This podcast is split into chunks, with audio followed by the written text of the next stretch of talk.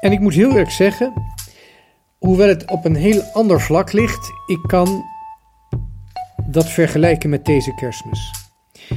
Er heeft geen ernstige natuurramp plaatsgevonden, maar voor onze kerk heeft er wel een ramp plaatsgevonden.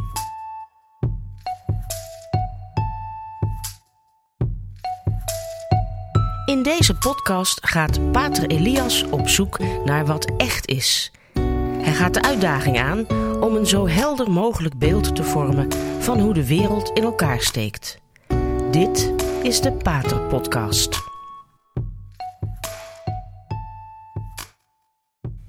Misschien kunt u zich nog herinneren, kerstmis 2004, toen op tweede kerstdag er een afschuwelijke tsunami was in de Indische Oceaan, die het leven kostte aan duizenden mensen.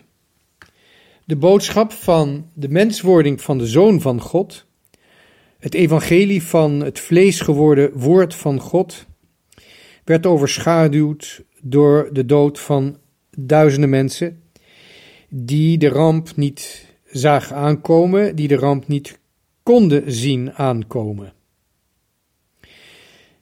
En ik moet heel eerlijk zeggen, hoewel het op een heel ander vlak ligt, ik kan dat vergelijken met deze kerstmis. Er heeft geen ernstige natuurramp plaatsgevonden, maar voor onze kerk heeft er wel een ramp plaatsgevonden.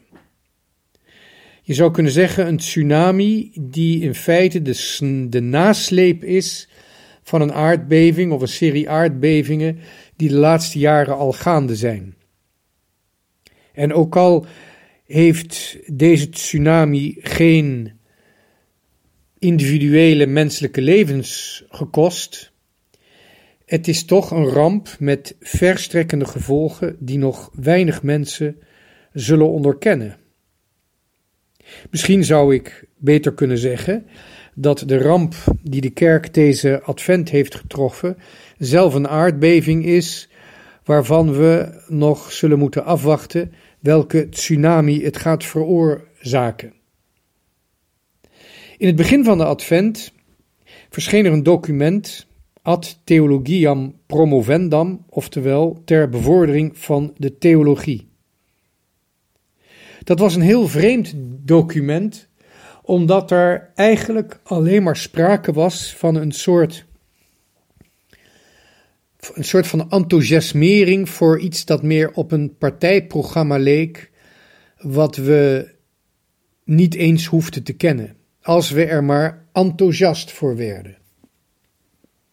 Het leek meer op de toespraak van een partijleider als inleiding op een congres, dan op een werkelijke bevordering van de theologie, die ons altijd moet verbinden met het mysterie dat zich openbaart aan ons en het mysterie dat ook door ons geopenbaard wil worden aan de wereld. Dat kunnen we alleen maar wanneer we doorzien dat we vrij mogen geloven in dogma's, die weliswaar door de kerk geformuleerd zijn, maar die afkomstig zijn in de persoon of van de persoon van Jezus Christus. En dat wanneer wij leven van het geloven in die dogma's en wanneer we ons geloof ook gestalte geven in ons leven, dat we dan de aanwezigheid van Christus in die wereld brengen. Het is juist door ons geloof dat het woord dat vlees geworden is in de persoon van Jezus Christus ook een antwoord kan provoceren in de mensheid dat vlees wordt in daden van naaste liefde en in woorden die verwijzen naar de waarheid die vrijmaakt. Het was ons onthutsend hoe in dat document ad theologiam promovendam eigenlijk bijna geen sprake was van een geloofsmysterie. Hoe kun je nou iets schrijven dat de theologie bevordert, als je de uitgangspunten van de theologie er niet bij betrekt? En ook het doel van de theologie er niet bij betrekt. Het was merkwaardig, maar het, is het was net alsof de theologie ondergeschikt werd gemaakt aan een soort van politiek partijprogramma dat we niet eens hoefden te begrijpen. Dat niet eens een mysterie was. Maar vlak voor, Chris, voor kerstmis, in de laatste week, kwam een document dat, dat qua verwarring en onduidelijkheid het document over theologie nog eens zou overschaduwen. Ik heb het, zoals u misschien wel zult voorzien, heb ik het over het document Fiducia Supplicans. Het gaat over zegeningen en, zoals u kunt wel raden waarschijnlijk, het is eigenlijk een soort van verpakking waarin maar één nieuwigheid zit, een hele dikke verpakking, waarin maar één nieuwigheid zit, namelijk dat homostellen ook gezegend mogen worden. Het gaf even wat lawaai in de pers, in de grote media, zoals de Amerikanen en de Engelsen zeggen, de mainstream media. Maar het bleef wel nagalmen in kringen van gelovigen. En er is een heleboel gezegd over dat document. En ik wou er toch even het mijne aan toevoegen.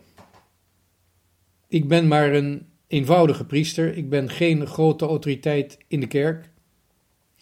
Dus ik kan alleen maar duiden op de onduidelijkheden van dit document die mij ertoe dwingen om vragen te stellen. En ik zeg dwingen omdat ik het geen recht acht dat ik vragen stel aan het leergezag van de kerk, maar een plicht. Ik heb een eed afgelegd vanuit het geloof. En die eed moet ik in stand houden. Die moet ik nakomen. En dus is het voor iemand die de sacramenten moet geven, de sacramenten moet dienen, bedienen, de mensen moet dienen met sacramenten, en die sacramenten ook moet verduidelijken, is het niet optioneel voor mij. Het is niet facultatief om vragen te stellen over de betekenis van de sacramenten. Het is mijn plicht. Ik vind het ook helemaal niet leuk om te moeten duiden op onduidelijkheden die afkomstig zijn van het hoogste gezag van de kerk. We hebben de laatste jaren hebben we moeten zien hoe er steeds meer verwarring en daardoor ook verdeeldheid kwam in de kerk juist op het theologische niveau, het leergezag. En hoe dat eigenlijk nu tot een absoluut toppunt is gekomen. Wanneer je het document Fiducia Supplicans leest, dan zie je dat homozegens eigenlijk niet zozeer worden toegestaan, maar dat zegening op zich het begrip zegening zelf totaal wordt uitgehold en opgeheven. Zegening heeft eigenlijk, als je dit document leest, geen enkele betekenis meer. Er wordt namelijk een begrip geïntroduceerd van een niet-rituele zegening. En een zegening die niet op het huwelijk mag lijken. Maar een zegening is per definitie een ritueel. Het is niet een gewoon gebaar. Het is een gebaar dat wordt gegeven met een bepaalde betekenis en dus ook een vorm die niet alleen degene overstijgt die de zegening geeft, maar ook de zegening ontvangt. En de enige manier waardoor een zegening als zodanig herkenbaar is, namelijk iets dat uitstijgt boven degene die zegent en degene die zegening ontvangt. De absolute herkenbaarheid van de zegening komt uit een ritueel. Zeggen dat er een zegening, een zegening is die niet ritueel is, komt op hetzelfde neer als zeggen dat er een auto is die geen voertuig is. Uiteraard kan ik van een oude roestige auto zonder wielen kan ik ook een kippenhok maken. Maar het is geen auto meer omdat het geen voertuig meer is.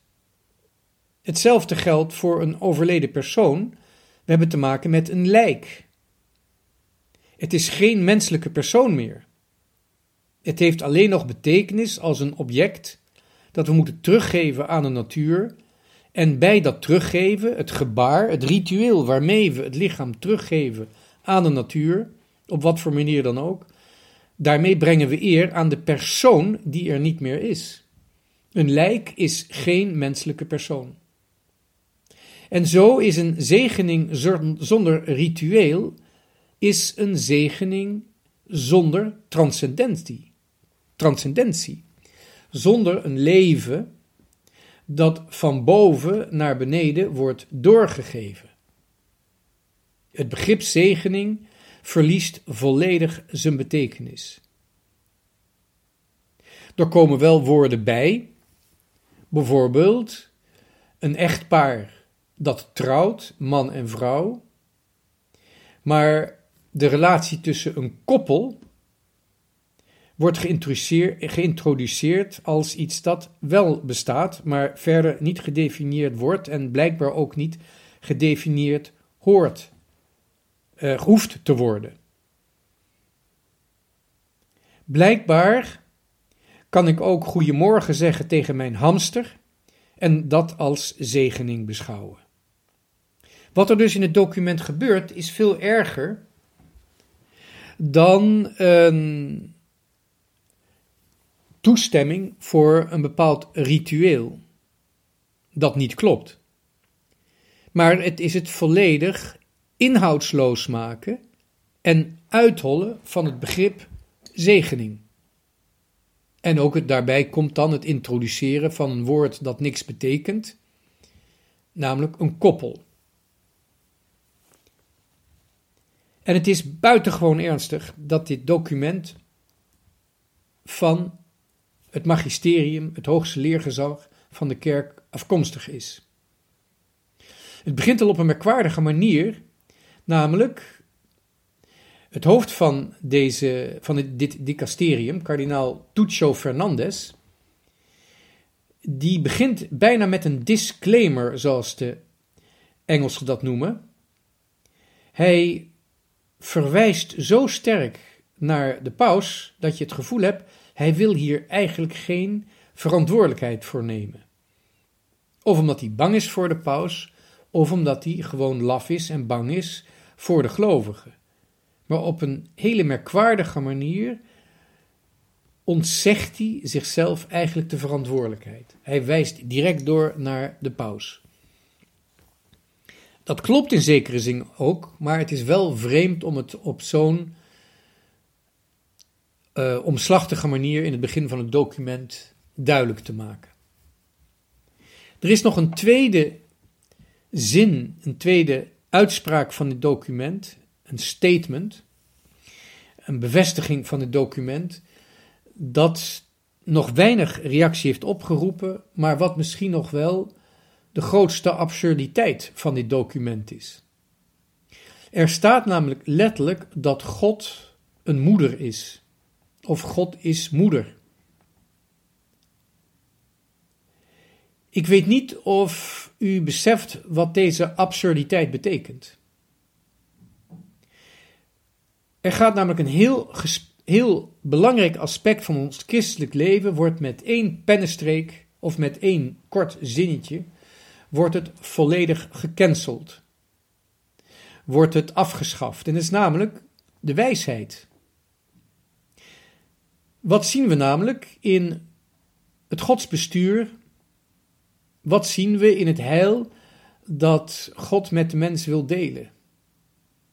We zien dat God uiteraard moederschap in zichzelf heeft. Want anders zou moederschap niet bestaan. Alles wat geschapen is, komt uit God voort. En is een weerspiegeling van wat God is. Dus in God is inderdaad moederschap. Maar het moederschap in God wordt geopenbaard door een God die in een moeder is. Een God die geen moeder is, maar een God die in een moeder is. En daarom mogen we de Maagd Maria ook de moeder van God noemen. God heeft moederschap in zich, maar dat mysterie wordt niet in één moederlijke persoon vlees gemaakt. Het wordt gemanifesteerd, het wordt geopenbaard in een schepsel dat door God wordt uitgekozen. Juist omdat God geen moeder is, maar wel het moederschap in zich heeft, kan hij dat mysterie van het moederschap dat hij in zich draagt, kan hij openbaren door de totale, kosteloze keuze van één schepsel om zijn moeder te zijn, de moeder van zijn eeuwige, mensgeworden zoon. Het mysterie van het vaderschap van God wordt geopenbaard door Christus, die een moeder heeft die een mens is en die bovendien een maagd is. En nog meer bovendien, die in Gods heerlijkheid met lichaam en ziel is opgenomen. Door te zeggen dat God moeder is, wordt de hele Mariale theologie wordt afgeschaft en daarmee wordt eigenlijk het hele mysterie van Maria, haar moederschap, haar onbevlekte ontvangenis, wordt belachelijk gemaakt. Het is onthutsend dat, en verbijsterend dat die zin in een officieel kerkelijk document is terechtgekomen. En het is in feite een ketterij. Een ketterij niet zozeer over wat God is of over zichzelf openbaart, maar wel over de manier waar God, waarop God zich openbaart. Het ontkent in zekere zin de kosteloze, de kosteloze keuze die God kan maken voor een schepsel. Ik vraag me af wat deze aardbeving uit de advent allemaal met zich mee zal nemen, mee zal slepen. Wat deze aardbeving voor gevolg zal hebben, wat voor tsunami hier door zal worden opgewekt. Uiteraard zijn dramdozen, zeurpieten, ultra-orthodoxe, zoals ik, die zullen het hard te verduren krijgen van mensen die nu de victorie kraaien.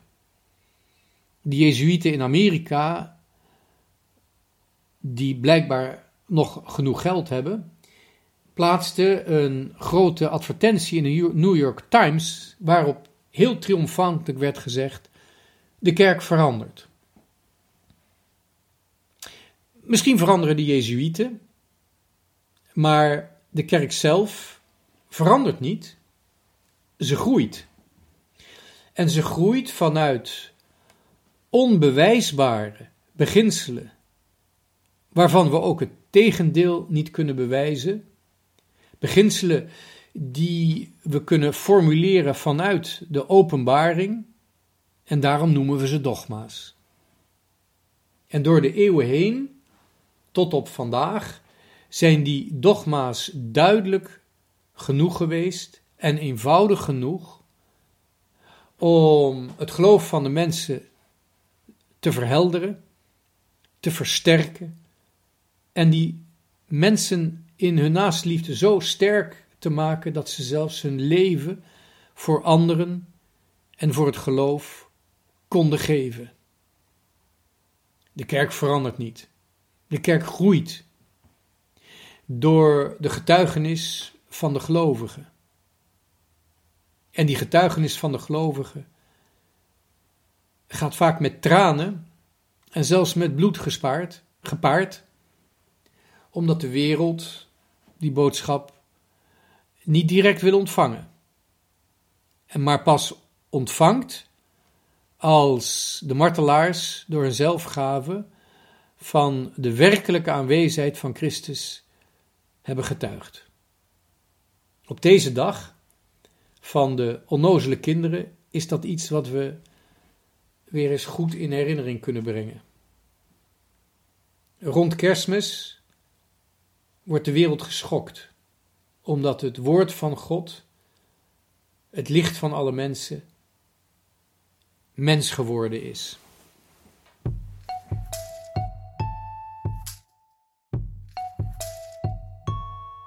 Dit was de Radio Maria Pater Podcast met Pater Elias.